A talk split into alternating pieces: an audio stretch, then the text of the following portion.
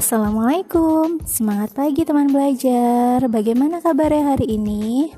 Ibu harap dan selalu berdoa semoga kita semua selalu diberikan kesehatan. Amin, amin ya Robbal 'Alamin.